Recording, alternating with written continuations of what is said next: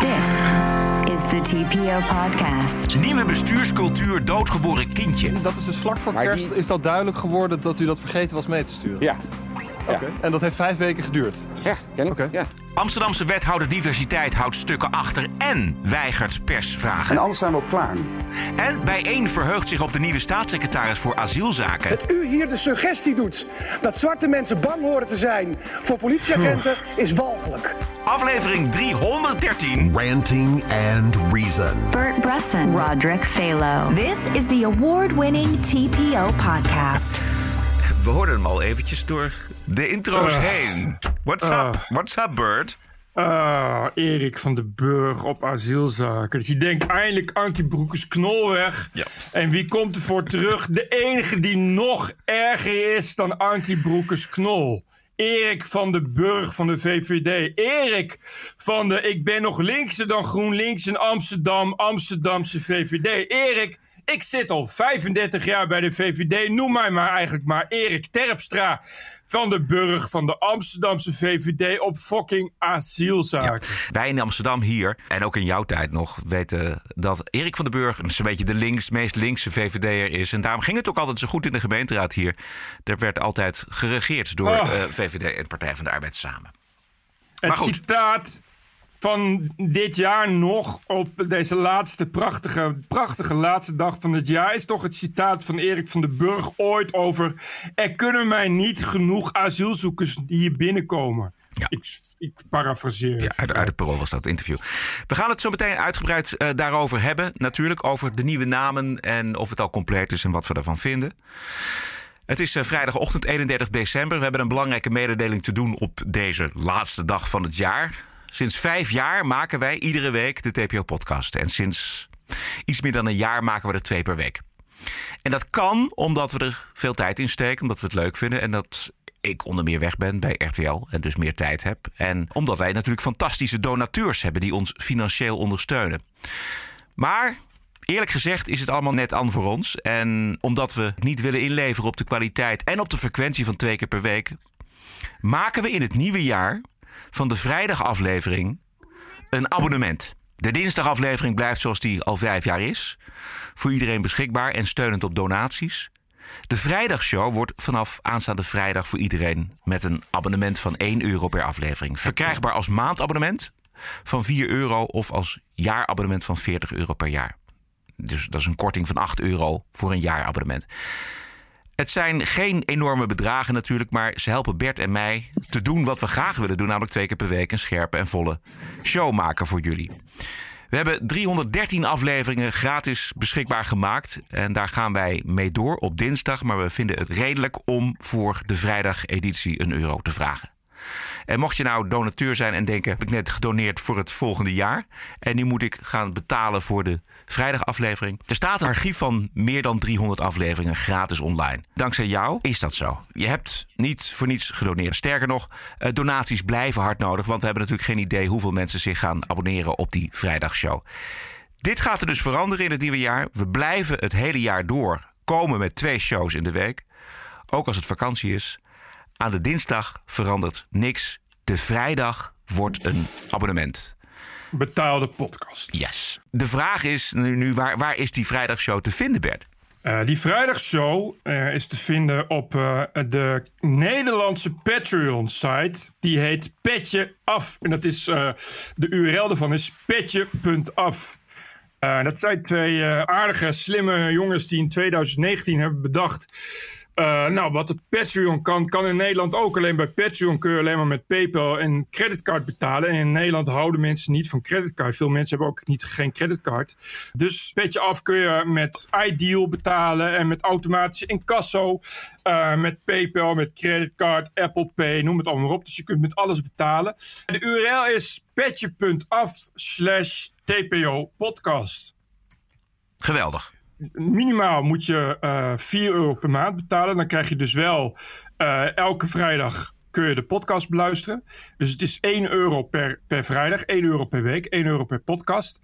Eh, het mooie is, niet alleen alle handige be- me- betaalmethoden, maar ook dat je de petje.af slash TPO podcast URL, die, die, de RSS-feed daarvan, die kun je koppelen aan je eigen eh, podcast dinges. Dus je kunt hem eh, koppelen aan je eigen podcast app. En dan verschijnt je betaalde podcast verschijnt dan gewoon automatisch in de app waarin jij normaal de podcast luistert. Geweldig. Je hoeft dan niet telkens apart voor, je, voor onze podcast naar die site toe. Als je eenmaal hebt ingeschreven en betaald. En dat gaat allemaal automatisch. Je kan het gewoon laten staan. Dan wordt er gewoon elke maand 4 euro afgeschreven. Hoef je er niks meer te doen. Dan verschijnt je podcast gewoon eh, eh, elke keer waar die hoort te verschijnen. Ja. Eh, alleen voor jou voor betaald. En er zijn natuurlijk ook nog, als je meer betaalt, we hebben nog wat andere leuke dingen. Dan, dan krijg je meer. Dan krijg je ook nog een video of een nieuwsbrief. En, maar dat moeten we nog een beetje uitzoeken. Ja, precies. Maar het is dus, basically is het dus voortaan dinsdag gratis. De vrijdag podcast kost je 1 euro. De mensen die op Patreon zitten, die moeten dan allemaal naar Petje af. Dat heeft voordelen. Het voordeel is, bij Patreon krijg je niks voor terug. En nu krijg je, eh, krijg je daar de, de, de, de podcast voor terug. Het is wel zo dat we, eh, net als Patreon, gaat de 21% BTW af. Die moeten wij ook gewoon betalen. Want die mensen van Petje.af moeten dat aan de Belastingdienst betalen. Dus wij betalen dat aan de mensen van Petje.af. En Petje.af houdt 6% in. Bij Patreon is het geloof ik 8 of meer. Dus het is voor ons goedkoper. We houden er net al meer aan over. Wel dus als je wilt doneren. Als je zegt van, ik luister elke vrijdag betaal ik voor die podcast. Maar ik wil ook nog eens een keer 100 euro per maand aan jullie betalen. Voor omdat ik van jullie hou en omdat ik van mijn geld af wil, et cetera. Dan moet je dat even via TPO doen. Want voor doneren via onze site hoeven wij geen BTW af te dragen. En ook geen, ook geen afdracht. Dus het is echt alleen een leuke site voor als je er wat voor terugkrijgt. Dus het is normaal om 21% BTW te betalen. Want die betaal je in de supermarkt ook. Of als je een auto koopt ook. Omdat je er een product voor terugkrijgt. Maar als je zegt van ik wil doneren. eh, doe dat even gewoon via de TPO-site. Of neem even contact met ons op. Hè, dan, dan houden we er allemaal meer aan over. En dan gaat het niet naar de Belastingdienst. Want dat wil dan weer niemand. Ja, precies. En de overstap van Patreon naar Petje Af is ook aardig, omdat de jongens van Petje Af, eh, dat zijn ook entrepreneurs. Dat zijn ook jongens die eh, Ja, dit in de markt hebben gezet en die hebben onze sympathie. En eh, wat ik dan ervan begrijp en wat ik van jou hoor, is het inderdaad buitengewoon handig, makkelijk allemaal. En het is voor een goed doel, namelijk de TPO-podcast. Ja, en het is natuurlijk niet duur. 1 euro per week, is dat, ga, dat mis je toch niet. Op petje.af slash TPO podcast herhaal ik nog maar even. Daar komen dan ook alle mededelingen en weet ik veel wat. En, dan, eh, Het kan even duren, want het is voor ons natuurlijk ook even nog pionieren. Maar dat komt dan allemaal wel goed. Ja. Wij, wij krijgen dus gewoon, we hebben onze eigen site daar op petje.af slash tpopodcast.nl met leuke foto's en allerlei andere eh, gezellige dingen om altijd weer naar terug te keren als je dat zou willen. Maar eh, los daarvan verschijnt dus inderdaad als je eenmaal geabonneerd bent eh, onze podcast in je favoriete podcast app. Of dat nou iTunes is of een, of een andere. Ja, petje.af slash TPO podcast. Oké. TPO Podcast. Op de valreep toch weer Hugo de Jonge uit de bocht. Er zijn twee coronadebatten deze maand gevoerd, zoals we weten, zonder dat de Tweede Kamer het advies van de Raad van State had. Waarin de Raad van State oordeelt dat 2G, daar ging dat debat namelijk over, op de werkvloer ten strengste wordt afgegaan. En de jongen heeft dat advies wel verwerkt in het wetsvoorstel, zegt hij, maar niet, in ieder geval te laat, verstuurd aan de Tweede Kamer. Namelijk na die debatten. Dit is Hugo de Jonge, gisteravond voor de camera van Hart van Nederland. Zodra ik eh, ervan hoorde, erop werd gewezen van hé, er was één bijlage niet meegestuurd, heb ik dat natuurlijk onmiddellijk aan de Kamer gestuurd. Dus dat is vlak voor kerst gebeurd. Ja. U heeft dat vlak voor kerst te horen Ja. gekregen dat dat advies niet goed was meegestuurd. Niet goed was meegestuurd. Alleen in het oorspronkelijk wetsvoorstel, daar hadden we al lang gereageerd op ook dit advies van de Raad voor de Rechtspraak. Ja, voor de duidelijkheid, dus het is dus, heeft dus vijf weken geduurd voordat duidelijk werd dat dit advies vergeten was te sturen. Dat heeft dus vijf weken geduurd. Maar belangrijker is het andere, namelijk er is al melding gemaakt van dit advies aan de Kamer bij het oorspronkelijk wetsvoorstel. Er is zelfs al gereageerd op ditzelfde Ja, nee, maar advies wilt u bij het oorspronkelijk wetsvoorstel. En inderdaad werden we er later op gewezen. Vlak van, voor hey, kerst werd u erop gewezen. Ja, inderdaad. Werden we erop gewezen van hey, dit, deze, deze bijlage die is niet meegestuurd. En natuurlijk hebben die bijlagen dan alsnog meegestuurd. En dat is dus vlak voor kerst. Kijk, de timing is namelijk wel opvallend. Hè? Eh, Dat is dus vlak voor Maar kerst. die Is, is, dat, is dat duidelijk geworden dat, dat, dat u dat vergeten was mee te sturen? Ja, Oké. En dat heeft vijf weken geduurd? Ja, kennelijk. Oké. Ja. Nou heb je dus niet alleen debatten gevoerd over corona, maar je hebt voert ook debatten, ethische debatten over een nieuwe bestuurscultuur. Dan is het belangrijkste dat je dus transparant bent naar de volksvertegenwoordiging. Dat neem je je dan voor. Anders heeft het helemaal geen zin om die debatten te voeren. En wat doet Hugo de Jonge? In het allerbeste geval vergeet hij het. Maar het, het komt in ieder geval niet terecht bij de Tweede Kamer, daar waar het hoort. Zodat de Tweede Kamer ook weet wat de Raad van State vindt. Nou, ja, maar goed. Weet je wat het is? Met liegen en liegen en liegen en liegen en niet transparant zijn en liegen en dingen achterhouden en liegen en liegen. Als je dat dus 10.000 keer doet, dan valt het de 10.000 eerste keer gewoon niet meer op en dan kan niemand het nog schelen. En dat is de reden waarom je gerust vijf weken, vijf weken kunt doen alsof je van niks weet. Dat er iets heel belangrijks niet is verstuurd. En dat je dan gewoon kan zeggen, oh, maar dat is, eh, heb ik niet achtergehouden. Dat is vergeten mee te sturen. Kan gebeuren. Ja, en het is ook niet zomaar iets, weet je. Wat is de Raad van State? Dit is het hoogste Ja. adviesorgaan van de overheid. Je hebt het over hele belangrijke wetgeving, namelijk 2G, Ja. wat er natuurlijk niet gaat komen. Maar goed, Ja. daar moet de volksvertegenwoordiging weet van hebben. Dit is dus het, het ondergraven van de democratie en het ondergraven van de rechtsorde. Dit is waar, wat, eh, wat zogenaamd de populisten doen, doet nu de CDA-minister. En deze CDA-minister komt straks gewoon weer als minister terug op een andere positie. Namelijk die van wonen. Ja, ik denk dat, eh, dat het straks toch ook wel weer wekelijkse persconferenties krijgen over eh, te weinig huizen. Met Hugo de Jonge. En dan krijgen we precies hetzelfde. Ik vond het wel goed dat Hart van Nederland hier zo bovenop zit. Want die komen met, dit, met, dit, met deze update over... Oh ja, maar Dit schandaal. luister, het is vakantietijd. Tussen kerst en oud en Oh ja, nieuw. Dat ja. betekent dat, eh, dat de meeste redacties eh, gewoon vakantie hebben. Dat merk ik nu al heel lang. Want eh, ik zit zelf elke dag in het nieuws. En dan merk je wanneer het vakantie is. Dus alle ambtenaren, die hebben vakantie. Eh, Hart van Nederland, dat is natuurlijk de zogenaamde populistische campingzender. Je ziet dat dat soort bedrijven, daar natuurlijk de commerciële, die hebben daar iets minder mee. Dus die gaan gewoon wel door. Ja. We komen zo meteen te spreken over Rutger Groot-Wassink. Daar gaan we hetzelfde zien. Het Parool bijvoorbeeld Ja. bericht daar dan ineens niet over. Dat zijn dingen die dan mooi uitkomen. Bovendien is het kerst en vakantie, dus ja. Nou, om dan nog eens een keer de democratie te gaan controleren... is misschien ook een beetje veel van het goede. Laten we even kijken naar die eh, andere mensen die op die officiële lijst staan van Rijksoverheid. Niet allemaal, want ze zijn niet allemaal even interessant. Maar jij noemde het al, staatssecretaris voor asiel en migratie, de VVD. Had de meest incapabele vrouw op die post neergezet en wordt nu opgevolgd door de meest linkse open grenzen VVD'er die er is. Te vinden, Erik van den Burg. Ehm, hij kan wel uitdelen. Ja, dat wel. Dat kan die wel. Maar hij heeft inderdaad gezegd: hoe meer asielzoekers, hoe beter. Ja. en het is, ik ja? zeg al, het is echt, eh, ja, gewoon de echte mannelijke versie van Erika Terpstra. Iemand die het serieus leuk vindt in eh, politiek omdat het zo gezellig is.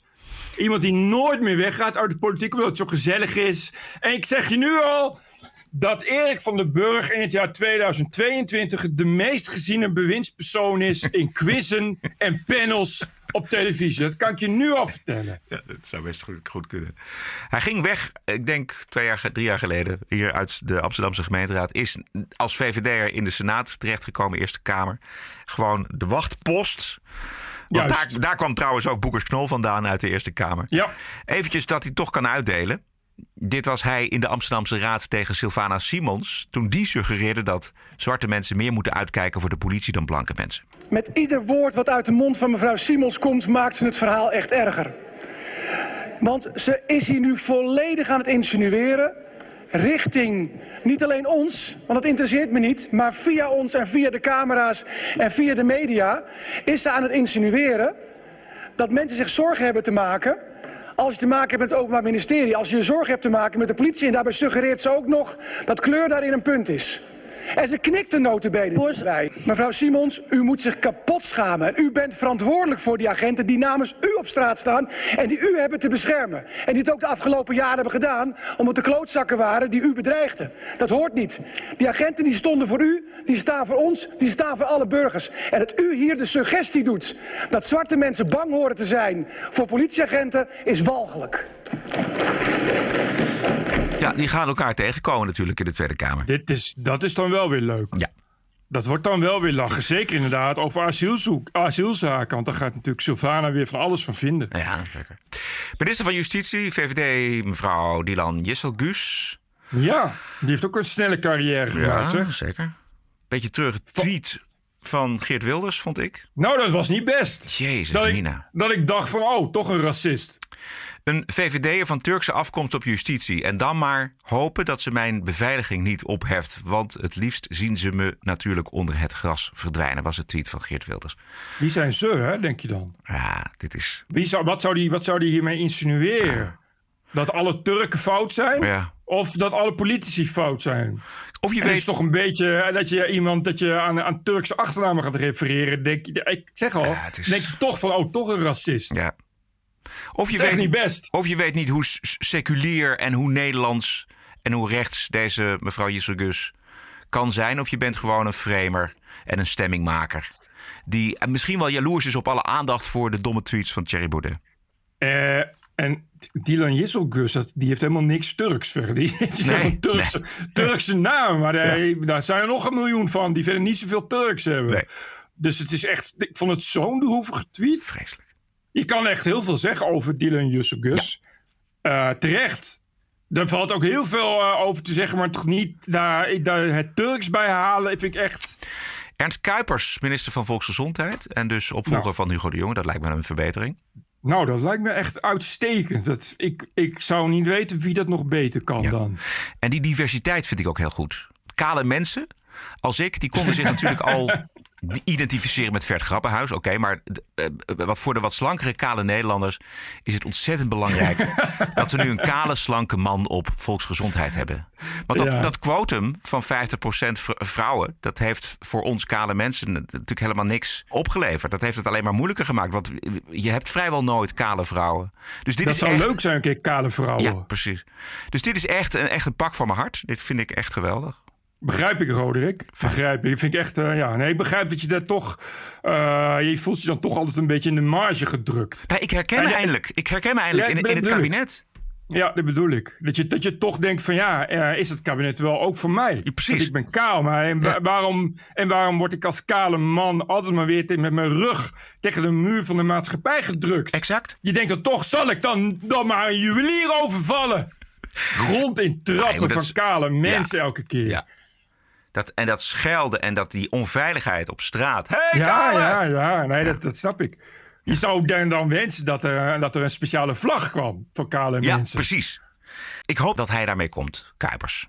Want dat zie je natuurlijk ook heel erg bij die eh, diversiteits- en inclusiegedachte. Dat Kuipers dus nu vanuit eh, zijn kaalheid die, dat die volksgezondheid gaat aansturen. Die kaalheid is zijn identiteit. Ja, precies. Goed, eh, de jongen naar wonen, dat hebben we al over gehad. Eh, Jette naar klimaat, die gaat het klimaat redden eindelijk. Dat vindt hij leuk. Nou, dat is eh, altijd de klimaatdrammer geweest. Dus op zich vind ik dat wel een redelijke post voor hem dan. Ja, ik ook. Maar ik denk niet dat het opschiet met kerncentrales zo. Nee, maar daar gaat het niet over. Volgens Oh, mij. Dat is, dat is economische zaken. Eh, D66-minister Onderwijs, Cultuur en Media, Robert Dijkgraaf. Altijd veel Oh, ja. televisie. Ik begrijp nooit zo goed waarom, maar het is een hele intelligente man. Nee, ja, precies. het is wel iemand die wat kan, laat ik het zo zeggen. Het is geen, eh, geen, eh, geen, eh, geen. En hij is niet zo heel erg woke, heb ik begrepen. Ik vond een column van Nee. hem van 14 mei van dit jaar. En die column in NRC Handelsblad, die, die heet Hokjesgeest. En daarin zegt hij... diversiteit staat hoog op de maatschappelijke agenda. Ook binnen de wetenschap. Dat vindt hij, in principe vindt hij dat goed. Maar, zegt hij dan, soms word ik wat mistroostig... van het toenemende denken in termen van afkomst... in plaats van bestemming. Ja, ja. Zeker hier in de Verenigde Staten, dat nou, heeft hij gewoond. Waar een moderne hokjesgeest heerst. Iedereen, politici, Ja. kiezers, studenten, consumenten, worden in een vakje. Wit, zwart, Latino of Aziatisch geplaatst. Dat, daar heeft hij dus een eh, bezwaar tegen. Dat vind ik goed. Ja, is ook heel goed. Het is wel eh, ook, ook zo'n typische echte beta-wetenschapper. Ja. Wat Ronald Plasterk ook is, zeg maar. Dus het- die, dat zie je daar toch in terug. ja. Minder ideologisch gedreven, inderdaad. Minder, minder ideologisch gedreven in, in dat identiteitsgelul. Ja. Meer praktisch in, ja, heel gek, bewijzen en feiten. Ja. Ik weet niet of je dat nog mag zeggen tegenwoordig, maar... Ja. Nou goed, dat, is, eh, dat kan goed uitpakken. Defensie, Ollongren. Is het al, eh, staat het al vast? Ja, dat zal toch wel haast, hè? Kan bijna niet anders. Eh, oh ja, dat, is, dat vind ik raar. Dus je hebt dus een minister van Economische Zaken en Klimaat. Die gaat naar de VVD. En en- een, minister ja. voor Klimaat. En dan hebben we ook nog een staatssecretaris voor Mijnbouw. Dat, Ja, dat mijnbouw heeft te maken met het gasboren in Groningen. gaan we dat weer oppakken? Of, Nee, maar daar is dus een apart ministerie voor gecreëerd. Of een, in elk geval een apart departement met een minister. Het klinkt als mijnbouw dat je denkt van... Huh, hebben we nog kompels in Nederland precies, zo? ja. Hier elke dag in Limburg. Maar dat is eh, vanwege het eh, gasprobleem en het gasborenprobleem. Dat is namelijk eh, hetzelfde als mijnbouw. Dat is dezelfde structuur die je daarvoor moet aanleggen. Want bij gasboren doe je hetzelfde als mijnbouw, namelijk grond weghalen, waardoor er holle ruimtes ontstaan Ja. en dus aardbevingen en dat soort dingen. moet Vandaar. worden, dat, dat moet worden opgevuld. Dus kan ook de minister, de- staatssecretaris van Huizenherstel zijn. Ja, of de, of de minister van, eh, van gaten vullen. Maar dat Ja, is mijn, mijnbouw. Dat zal dan, ik denk aan dat mijnbouw gewoon een bestaand ding nog was of zo. Ja, ja. Even kijken. Nou ja, dat, dit waren er wel de meest interessante, vond ik. Had jij nog iets dat je dacht? Eh, nou ja, eh, Kaag op, eh, Oh ja. hoe heet het? Financiën. Ja, Is toch natuurlijk de meest prestigieuze post. zeker. Absoluut. Dus ik dacht natuurlijk buitenlandse zaken. Eh, buitenlandse zaken zal naar Hoekstra gaan, neem ik aan. Dat is nog niet zeker, maar daar zit nog niemand op. Dus dat zal Wopke Hoekstra wel worden.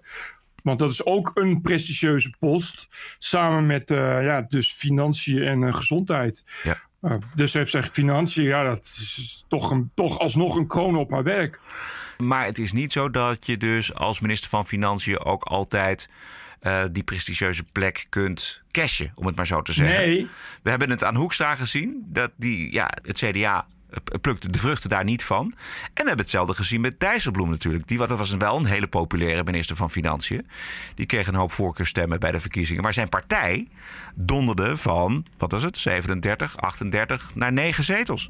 Nee, ja, en je moet maar, je moet maar geluk hebben dat er geen crisis uitbreekt, zou ik maar dat. zeggen. Ja, precies. Het het natuurlijk, nee, maar goed, dat, is, dat komt ook met prestige. En dat is denk ik ook wat eh, Kaag zoekt. Want dit is, dit is natuurlijk, hiermee kun je leiderschap laten zien. Ja.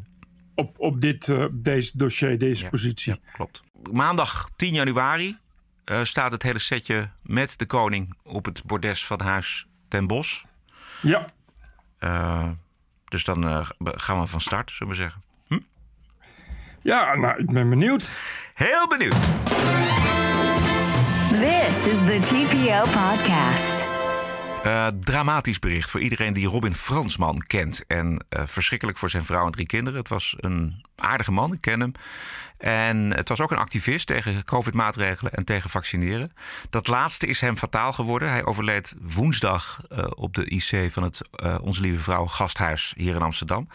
Het radicaliseren, zoals Baudet dat de hele dag op Twitter eh, promoot, was voor Fransman blijkbaar ook onontkoombaar. En toen Duitsland, Oostenrijk en Italië lockdownmaatregelen aankondigden, zag eh, hij daarin een wedergeboorte van de as uit de Tweede Wereldoorlog. Hij, hij twitterde op 5 december: Europa is een levensgevaarlijke plek aan het worden. Het, het, het levensgevaar bleek voor hem elders te zitten, schreef de Volkskrant. We gaan het erover hebben, om, niet alleen omdat het eh, dramatisch is, maar omdat het gaat over een ontkenning in het COVID-debat, zullen we zeggen. Dit was Ja. Robin Fransman bij De Nieuwe Wereld over COVID. OMT-leden avond en avond op tv benadrukten het gevaar voor het virus. Weet je, het was niet eerlijk in de zin dat ze net deden alsof het virus gevaarlijk was voor iedereen. Terwijl we natuurlijk al wisten eh, dat het met name voor mensen die al ziek waren en op hoge leeftijd dat het waar echt gevaarlijk was. En dat het eh, heel rap afnam en, en ja, beneden de 55, beneden de 60 eh, nauwelijks nog gevaarlijk eh, was. Weet je. Nou loopt de IC over. Alternatieven voor een lockdown zijn, nou we doen de IC gewoon dicht voor coronapatiënten. Gewoon, er wordt geen coronapatiënten meer toegelaten op de IC. Dat zou je kunnen zeggen. Je zou het ook kunnen rechtvaardigen. Eh, we gaan gewoon eh, mensen die, die, die, die kwetsbaar zijn voor corona, die moeten gewoon goed afstand houden. En mondkapjes dragen en lekker thuis blijven. En dus we moeten, daarom zeg ik, we moeten naar een andere ver- verhouding met overlijden, met de dood. We moeten individueel, maar ook collectief overlijden en de dood zien. Eén, als randvoorwaardelijk voor het leven. Ja. En twee, de dood als een vorm van genade.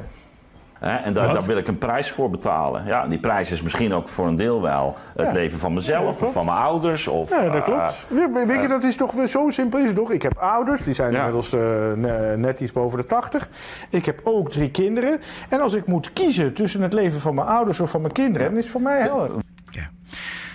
Wat, wat dit zo dramatisch maakt, is, is het vrijblijvende gepraat over hele ernstige zaken. waarvan we allemaal denken Juist. dat we er verstand van hebben. En dat is niet zo. We weten nog de, de, de, de opmerkingen van Baudet. We laten ons de wet niet voorschrijven door doktoren. Het is zo dramatisch, dit natuurlijk, omdat hij het over zichzelf heeft. Op dat laatste zet hij dus kinderen en zijn ouders tegenover elkaar. En als ik moet kiezen, natuurlijk moet kies je dan voor je kinderen. Maar zo, die keuze is het helemaal niet. Want het Nee. leven van die kinderen is niet in gevaar. Is hooguit begrensd in verband met een lockdown. Maar het is niet de dood van zijn ouders tegenover de dood van zijn kinderen. Maar ook, Ja. hoe, hoe gelukkig zijn die kinderen nu, denk ik dan? Ja. En het is. Weet je, dit soort. Ik, ik, kan, ja, ik kan er slecht tegen. De hele tijd dit. Dat er dan ineens wordt gezegd. Eh, van ja, je moet dan maar de dood als randvoorwaarde. Ja. En, dan, en dan krijg je de dood als genade. Wat, echt. Wat? Eh, dus dan ben je. Hoe oud was Fransman? 53. Dan moet je dan maar denken: oh, genadig. Dat ik nu al dood mag. Ja. En dat ik eerst, eerst mag stikken op de IC en dan dood mag. Weet je wat? Ik denk, wat is het voor geloof? En het, ik, ik vind het een. En, en eh Ad Verbrugge is, heeft dat heel erg. Dat is een hele nare antivaxer geworden. Die ook eh, de hele tijd dit soort, dit soort sociaal-Darwinistische cult tentoonspreidt.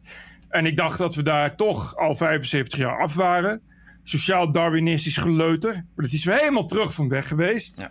Moet kennelijk dat je zwak en ziek bent, moet je dan maar, ja, die moeten dat dan maar accepteren. En wat je ook heel erg merkt, is, is, is in deze Fran- Fransman, is dat die mensen ook wel echt vinden dat ze dat kunnen zeggen omdat het toch wel aan hun voorbij gaat. Ze wanen zich in een soort onkwetsbaarheid. Ze voelen zichzelf gezond. Ze denken, nou, weet je, ik... ik, ik Het voel- gebeurt mij toch niet. Precies, dat is het. En dat is een misverstand bij dit virus. Eh, het grote misverstand. Robin Fransman was iemand die, nou, eh, in elk geval zwaarlijvig was en rookte. Ja. Weet ik toevallig. Ja. Daar is al lang bekend dat er toch twee dingen zijn waardoor je extra risico loopt. En, en dat geeft al aan hoe, eh, ja, hoe groot zo'n bord voor een kop kan zijn. Ja. Ja. Ik, ik weet je dat je, dat je, dat je dan, en dan hoor je zo'n verhaal en je weet, eh, op, op een enkeling na is er niemand die, die wel eigenlijk echt oprecht de dood accepteert. Die zegt, als de dood voor de deur staat, oh leuk, laat maar komen, want hier komt de genade. Er is natuurlijk niemand die dat zegt. Iedereen die, die doodgaat, die denkt, oh kut, nu ben ik toch wel bang, nu wilde ik dat toch niet. Dus je hoort het hem dat zeggen. En je, denkt, en je hoort hem ook nog zeggen: ja, maar als je dan onder de 60 bent, dan is het risico klein. En hij weet tegelijkertijd dat hij zelf risico's met zich meedraagt dat hij rookt, omdat hij zwaarlijvig is. De- Die worden gewoon genegeerd. Ja, het is vrijblijvend geklets. Het is vrijblijvend geklets en dat vind ik de hele tijd. Dat vind ik bij al die Marianne Zwagemans die het over doorhout hebben. En al die mensen die zeggen ja, maar het leven is lijden. Wat wil je anders dan op zou denken? Het is allemaal vrijblijvend geklets. Al die mensen, op het moment dat ze op de IC liggen, denken ze oh, ja, maar nu wil ik toch leven. Ja. Nu wilde ik toch eigenlijk niet ziek zijn. Want ik had er eigenlijk aan gedacht dat ik niet ziek zou worden. Dat het mij wel voorbij zou gaan. Nou, guess what? Het gaat jou niet voorbij. Nee. De meningen zijn verdeeld over de nieuwe Netflix-film Don't Look Up. Heb je hem gezien? Zeker. Over- Geweldig. Ik vond hem echt Ik geweldig. ook, ik ook. Het, eh, voor jullie nog niet gezien, het gaat over een meteoriet die onderweg is naar de aarde en al het leven zal verwoesten, zoals dat 66 miljoen jaar geleden gebeurde met de dinosaurus. Eh, de meteoriet in de film staat voor klimaatverandering, maar het had net zo goed ook over andere rampen en- Corona. En, en, corona kunnen precies. Maar de crux in de film zit. ehm, wat mij betreft in, in de ontkenners natuurlijk. Want dat, zo- die film Precies. heet ook eh, Don't Look Up. Hè? Dus eh, zolang je er maar niet naar boven kijkt, zie je niet wat er, wat eraan komt. Er zijn wetenschappers, er zijn de eerste twee wetenschappers die, die dat ontdekken. En die zeggen, oh, we hebben iets gevaarlijks ontdekt. Over een half jaar vergaat de wereld, want er komt een, eh, eh, een komeet aan. En dan gaan ze naar een president die, eh, nou, die duidelijk op Trump is gesteld. Dus een populistische president. Die dan zegt, daar heb ik geen zin in, want het komt me nu niet uit. En we gaan eh, andere wetenschappers vragen. Die zullen het wel ontkennen. En dan alle andere wetenschappers, steeds meer, die zeggen dan nee, is echt waar. We hebben berekeningen nog een keer uitgevoerd en het is, het is echt waar. En nou, dan is dus steeds meer wetenschap. En eh, nou, ze gaan naar de media en die media die zeggen van nou... eh, is allemaal leuk en aardig, maar als je entertainment hebt, dan is het prima. Maar als je geen entertainment hebt, dan, dan doen we het niet. Want mensen willen graag entertainment zien. Geen wetenschappelijke feiten. Dus hoe meer wetenschappelijke feiten, hoe meer de mensen zeggen: nee, is niet zo. En nou ja, dat don't look up komt er. Komt zelfs een hele beweging onder aanvoering van die president. Die dan zegt: is allemaal niet waar, harder ontkennen. Hoe meer je naar beneden kijkt, hoe beter we worden. Want er is geen komeet. Het is een beetje wat je vindt op die eh, bijeenkomsten van Forum voor Democratie. Eh, Juist. Zoals eh, deze meneer op het podium. Het is ontzettend bemoedigend om te zien dat steeds meer mensen het zien. En wat is het zien? Dat het hele coronaverhaal bedrog is. Dat corona niet erg gevaarlijk is. Dat het ook helemaal niet eh, asymptomatisch kan worden overgedragen. Dat het geen enkele zin heeft als normaal gezonde mensen allemaal maatregelen gaan nemen enzovoort. Dat ook die maatregelen helemaal niet werken tegen verspreiding. Dat die vaccins niet werken tegen besmetting. Heel gevaarlijk zijn, heel veel bijwerkingen hebben. Dit. Ja, dit, dit, dit. Ja, dit had zo in die film gekund. Die, in die film gaat het precies zo. Uh, Meryl Streep, prachtige rol. Speelt de rol van, van populistisch president van Amerika. Die inderdaad dit soort dingen zegt. Uh, en dus net als Baudet vooral uh, haarzelf de meerdere glorie daarvan voorzet. Ja. Dat ze, hoe groter de crisis, hoe meer je mensen naar je toe kan zuigen als, als bevrediging van je ego. Ja, precies. En dat trekt natuurlijk weer andere mensen aan met nog meer zekerheden. Het virus bestaat niet. Het is gewoon bedacht door die vrijmetselaars. Antonio Fauci, die heeft gewoon de HIV bedacht. Bestaat ook helemaal niet. Bestaat geen virus, überhaupt. En de aanv ja. aanvoerder krijgt ook alles erin bij zijn toehoorders. De zorg is nooit overbelast geweest. Het heeft helemaal niks met volksgezondheid te maken. Het is een manier om uh, ons allemaal tot slaven te maken. En alles onder het motto... Ik ga nog liever dood dan dat ik dat vaccin laat injecteren. Nou, nou dat gaat gebeuren. Dat is dus ook even in de film gebeurt dat ook. Ja, ja, ja. Ja. Wou je nog meer zeggen over die film? Of hoe? Uh, nou, dat mensen hem uh, vooral moeten zien. Omdat het een, ja. uh, een, een, fantastische persiflage... of hoe noem je het? eh, het is niet een persiflage, het is een... Satire. Satire, ja. Het is een satire op, op, op ja, toch ernstige zaken. Wat ik zelf het, meest indrukwekkende vond... was uh, dat die familie op een gegeven moment... aan het eind van de film bij elkaar zit... elkaars handen vasthoudt en wacht op ja. wat er komen gaat. En dan zegt uh, de Caprio zegt dan de woorden... eigenlijk hadden we alles.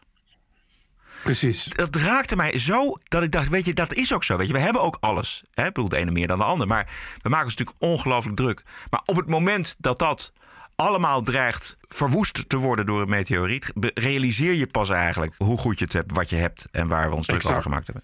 Exact. Ik vond vooral de rol van de media geweldig, die talkshow. Oh. En dat vond ik zo ja. Want oh, ja, er zit dus uh, gespeeld door Ariana Grande. Uh, zit er een, uh, een, een bekende zangeres. En daar gaat het nieuws vooral over. Dus het nieuws is niet er komt een meteoriet nee. die over zes maanden de wereld vernietigt. Maar hoe is het met de nieuwe liefde van de, van de bekende ja. zangeres? Ja, en dat vond ik zo mooi weer. Het zit zo, zo, zo is zo. Als het vandaag de dag is, kijk een gemiddelde talkshow en je ziet dat. Ja. Weet je, het is, toch uh, in Nederland ook. Je kijkt naar op één. Je ziet toch eerst veel BN'ers. Uh, en dan mensen die vertellen over hoe erg het virus is. En we ja. sluiten af ja. met een positieve noot met BN'ers. Ja. Nee, maar zo wordt, er ook, zo wordt er ook, ik weet het, zo wordt er ook echt gedacht bij die redacties.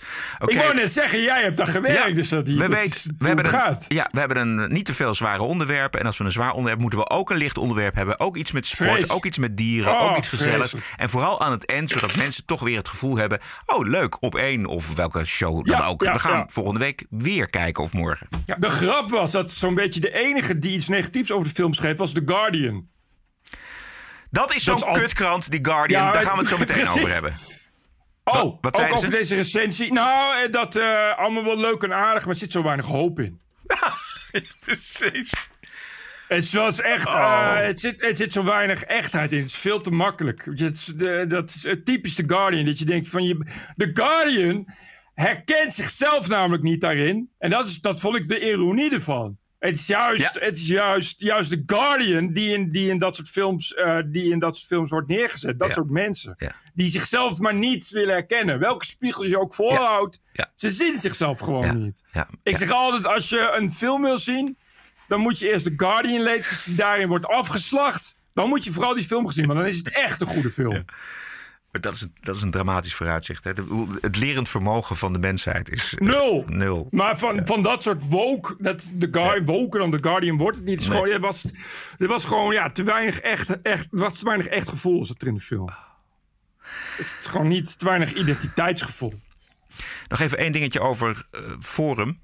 Want ondertussen Mhm. hoopt Theo Hiddema dat Forum voor Demagogie nog eh, opgeschoond kan worden. Baudet moet dan eh, de eendimensionale wappies de wacht aanzeggen, heeft hij gezegd. En die hele FVD-jugend eruit tieven. Maar Ja. dat gaat Baudet natuurlijk eh, helemaal niet doen. Want hij is Nee. zelf de opperwappie.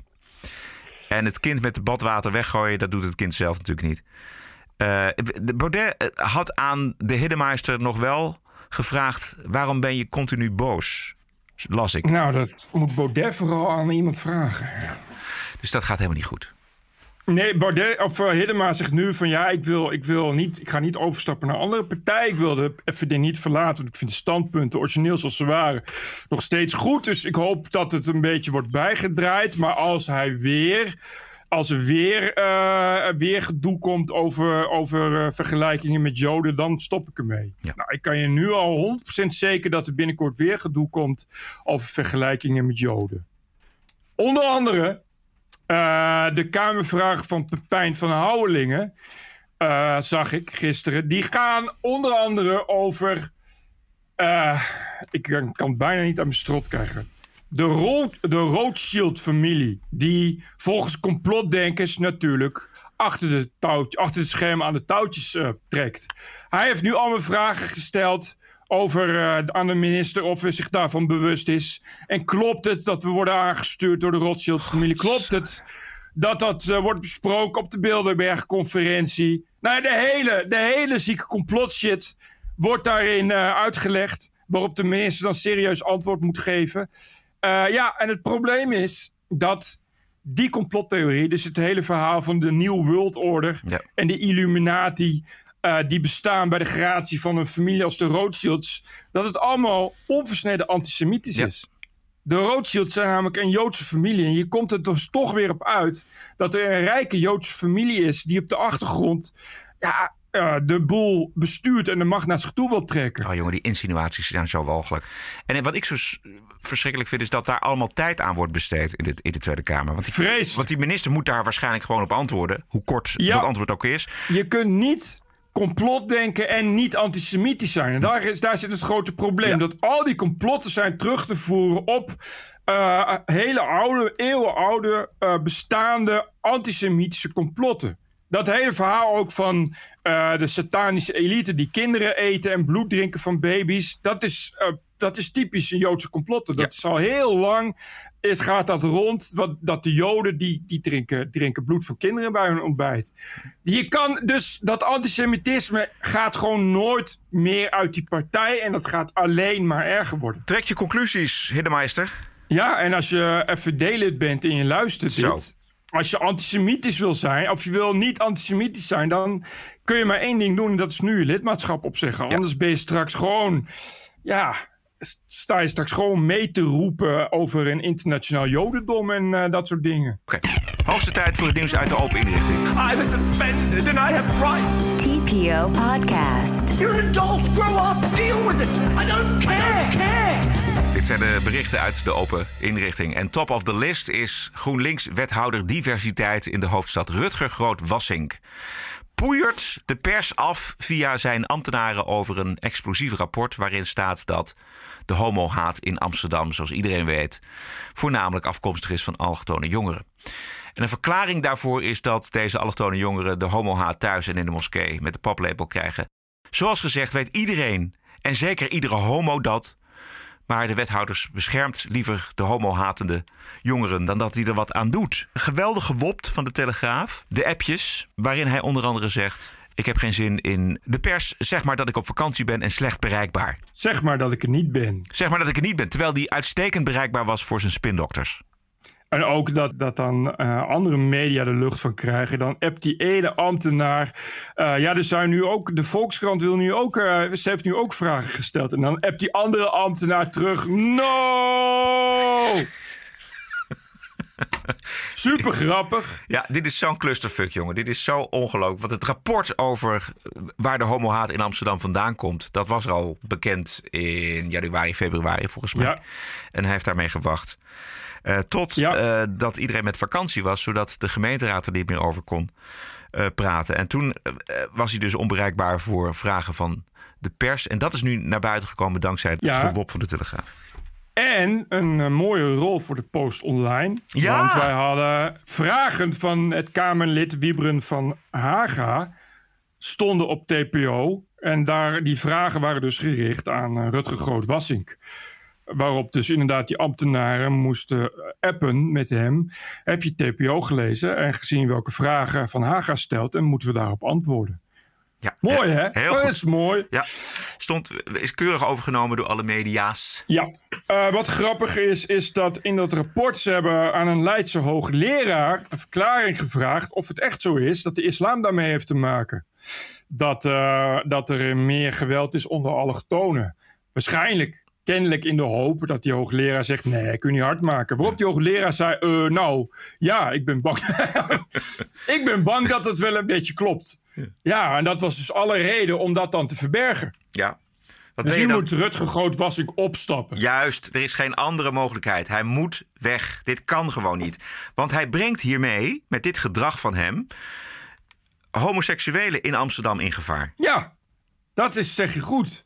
Dankzij Rutger Groot-Wassink wordt er meer geweld mogelijk gemaakt Ja, maar luister, als, je het, als je weet wat het probleem is en je gaat het probleem niet oplossen, want je denkt dat het met regenboogzebrapaden en vlaggen allemaal wel lukt. Maar je gaat dus een belangrijke conclusie, namelijk over de daders van homohaat, hou je achter.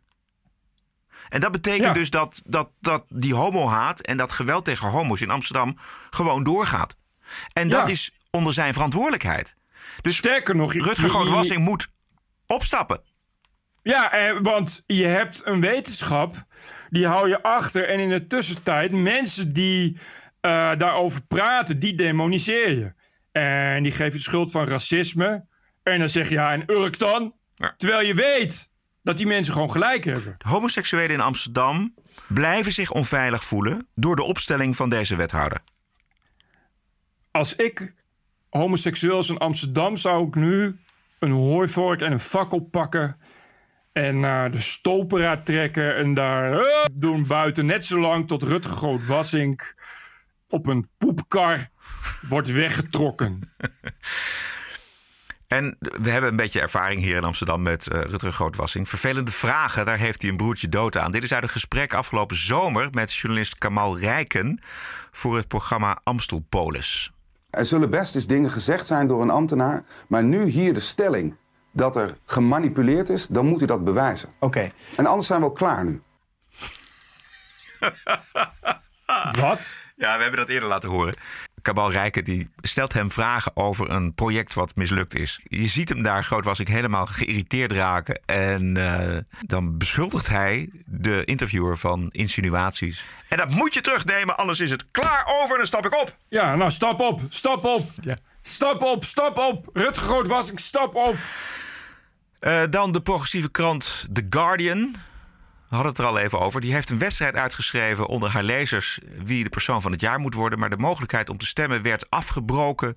Toen bleek dat J.K. Rowling aan kop ging. En dat kan natuurlijk niet, want J.K. Rowling is de antichrist voor eh, de progressieve groegemeente in eh, Groot-Brittannië. De woke groegemeente. En dat meldt Breitbart. Maar ik heb, eh, inmiddels hebben we ook bevestiging. Ik, net zeggen. ik geloof dat ze de hele verkiezing hebben gecanceld. Jezus, wat was de verkiezing? De grootste wat? De grootste, de, de, de, de vrouw van het jaar, of de persoon van het jaar. Wat, Ja. wat Time doet, wat, wat Elsevier doet, weet je wel. Dus daar mochten de lezers van The Guardian mochten daar hun eh, zegje over doen via een poll.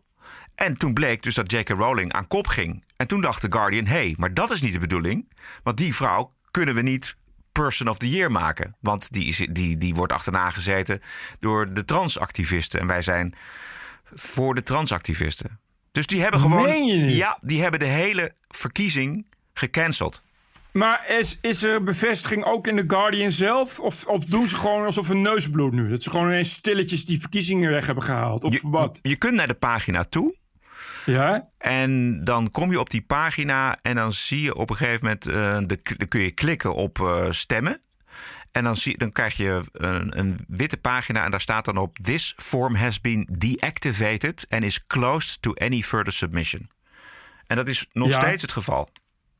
Oké, ja, maar goed, dat is nog steeds geen bevestiging dat het is omdat J.K. Rowling aan top ging. Nee, dat gaan ze natuurlijk niet zeggen.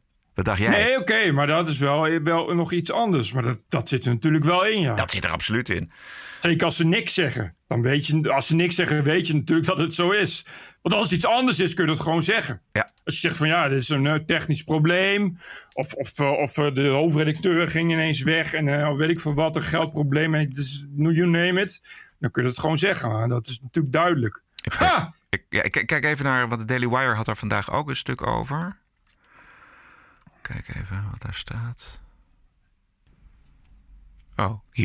The Guardian has had to announce that cis woman writer and notorious transphobe J.K. Rowling will be the 21st person of the year. Rowling was awarded. The Guardian heeft moeten aankondigen dat cis vrouwelijke schrijver en beruchte transfoob J.K. Rowling wordt persoon van het jaar 2021. Oké, toch. Ja. Rowling kreeg de eer na 112 hertellingen van de stemmen en zal de prijs met tegenzin naar haar toe gestuurd krijgen. Het allerergst vind ik dat The Guardian, het, die hebben helemaal niet zoveel lezers. Het is de minst gelezen krant Ja. van Engeland. precies, ja. Qua oplagen en abonnees. Maar nog steeds zoveel invloed, nog steeds zoveel prestige. Wie zit erachter? goed, de, ik- de grote, grote geldschieter zit erachter, hè? Ja. Is- die, die site is ook nog steeds gratis. Ja. Het probleem is natuurlijk wel dat The Guardian levert ook goede journalistiek. Zeker. Kijk, ze hebben natuurlijk gewoon eh, scoops. eh, en Greenwald komt ook van The Guardian, laat ik het zo zeggen. Ja. Maar dit verraadt toch wel een verziekte Ja, journalistiek, moet ik zeggen. Bedoel, Dit is, dit is, dit is Woke 3.0. Dit is natuurlijk, je weet natuurlijk hoe dat gegaan is. Er zijn natuurlijk allemaal mensen boos en geëmotioneerd. Hebben geëist dat het stopt. En dat, eh, dat het allemaal niet doorgaat. Want we mogen een transfoob als J.K. Rowling niet laten winnen. Er zijn natuurlijk net als bij Netflix en, en, en Spotify... allemaal boze, huilende sessies met, met mensen die eh, dreigen op te stappen en weg te lopen. Ja. Maar verder verwijderd van de journalistiek kun je toch niet staan? Je zou het wel denken, hè? What a woke week it was. This is the TPO podcast. Gisteravond toch wel een belangrijk gesprek tussen de Amerikaanse president Biden en de Russische president Poetin. Die Ja. hebben elkaar een uur gesproken. Ik bedoel, het gaat niet over niks. Het gaat over oorlog in Europa, die, die op het punt staat om te beginnen, zou je kunnen denken. Ja. Ehm, het ging natuurlijk over de Oekraïne en de aanwezigheid van NAVO-troepen in, in Oost-Europa. We weten eigenlijk niet zo goed wat er uit dat gesprek gekomen is. Maar de lengte van het gesprek heeft eh, watchers verbaasd. Bijna een uur hebben ze met elkaar gesproken. En volgens de Russische zender RT, Russia Today, is dat een goed teken. a diplomatic path maybe um, being found forward. It certainly sounds more optimistic than even last week, doesn't it? Well, yeah, I mean, I think that that's a, a good direction, and that's maybe why the conversation was so long. I mean, I was expecting it to be a little bit shorter. Um, and so I think that this is a good thing that we're moving in that direction. But ultimately, you know, it comes down to also the U.S. and NATO, I think, sitting back and asking the question uh, on their side do they have mutual respect? Dus dat lijkt erop dat er toch wel eh, gewerkt wordt naar een diplomatieke oplossing. Zou je kunnen Oh. denken. Nice. Beter dan al het andere, zou ik zeggen.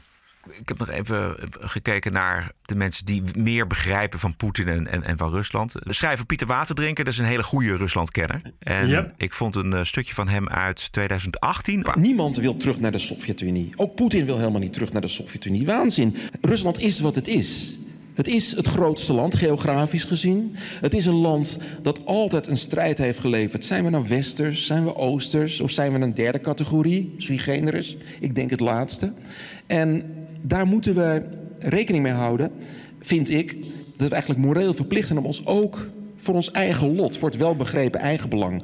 dat we ons moeten verdiepen erin. Yep. Ah ja, als je dat zegt ben je een Poetin versteer. Dus ja.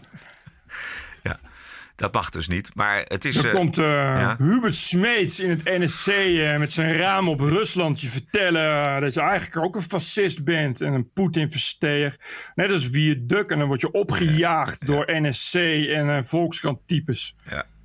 Terwijl dit, dit, deze man heeft kernwapens en we moeten ons rekenschap Juist. geven van, van deze man. En hij heeft het al jaren geleden gezegd, gewaarschuwd. Niemand heeft toen willen luisteren. En nu probeert hij het op deze manier. En ja, dat is te begrijpen op een gegeven moment, denk ik. Eh, ja, ik ben benieuwd wat 2022 ons gaat brengen Nou. eh, in de Oekraïne. Ja. Dit was het volgens mij. Ja, rest mij nog te zeggen dat het met de Omicron-variant heel goed gaat. Oh, vertel. Uit laatste onderzoeken uit Zuid-Afrika blijkt dat de golf al ruim over het hoogtepunt heen is. Kijk eens. Zonder dat het een piek in doden heeft opgeleverd. Mooi. Eh, en eigenlijk blijkt uit alle onderzoeken tot nu toe inderdaad dat het minder ziekmakend is. Eh, en gisteren las ik dat het misschien zo is dat als je bent geïnfecteerd geweest met Omicron, je daarna een betere afweer hebt tegen de Delta-variant. Nou, dat is helemaal mooi. Want als je er en niet ziek van wordt en het geeft je bescherming tegen de rest van eh, de COVID-varianten, dan eh, kunnen we daar ook een streep door zetten op gegeven moment. En het zijn wel allemaal nog kleinschalige onderzoeken, maar toch las ik ook nog dat het misschien toch niet zo is dat eh, het vaccin minder bescherming biedt tegen Omicron. Dat het misschien toch zo is dat als je bent gevaccineerd, dubbel, en dat je dan toch best wel goed beschermd bent tegen de Omicron-variant.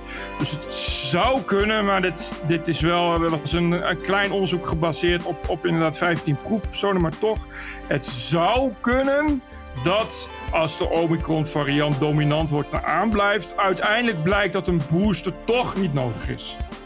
Meer daarover eh, in een volgende aflevering van de TPO-podcast. Dit was aflevering 313.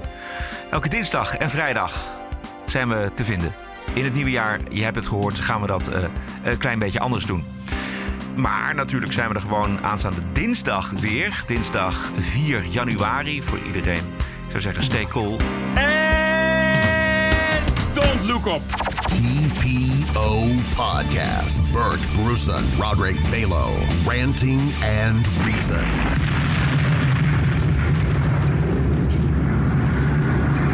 En anders zijn we.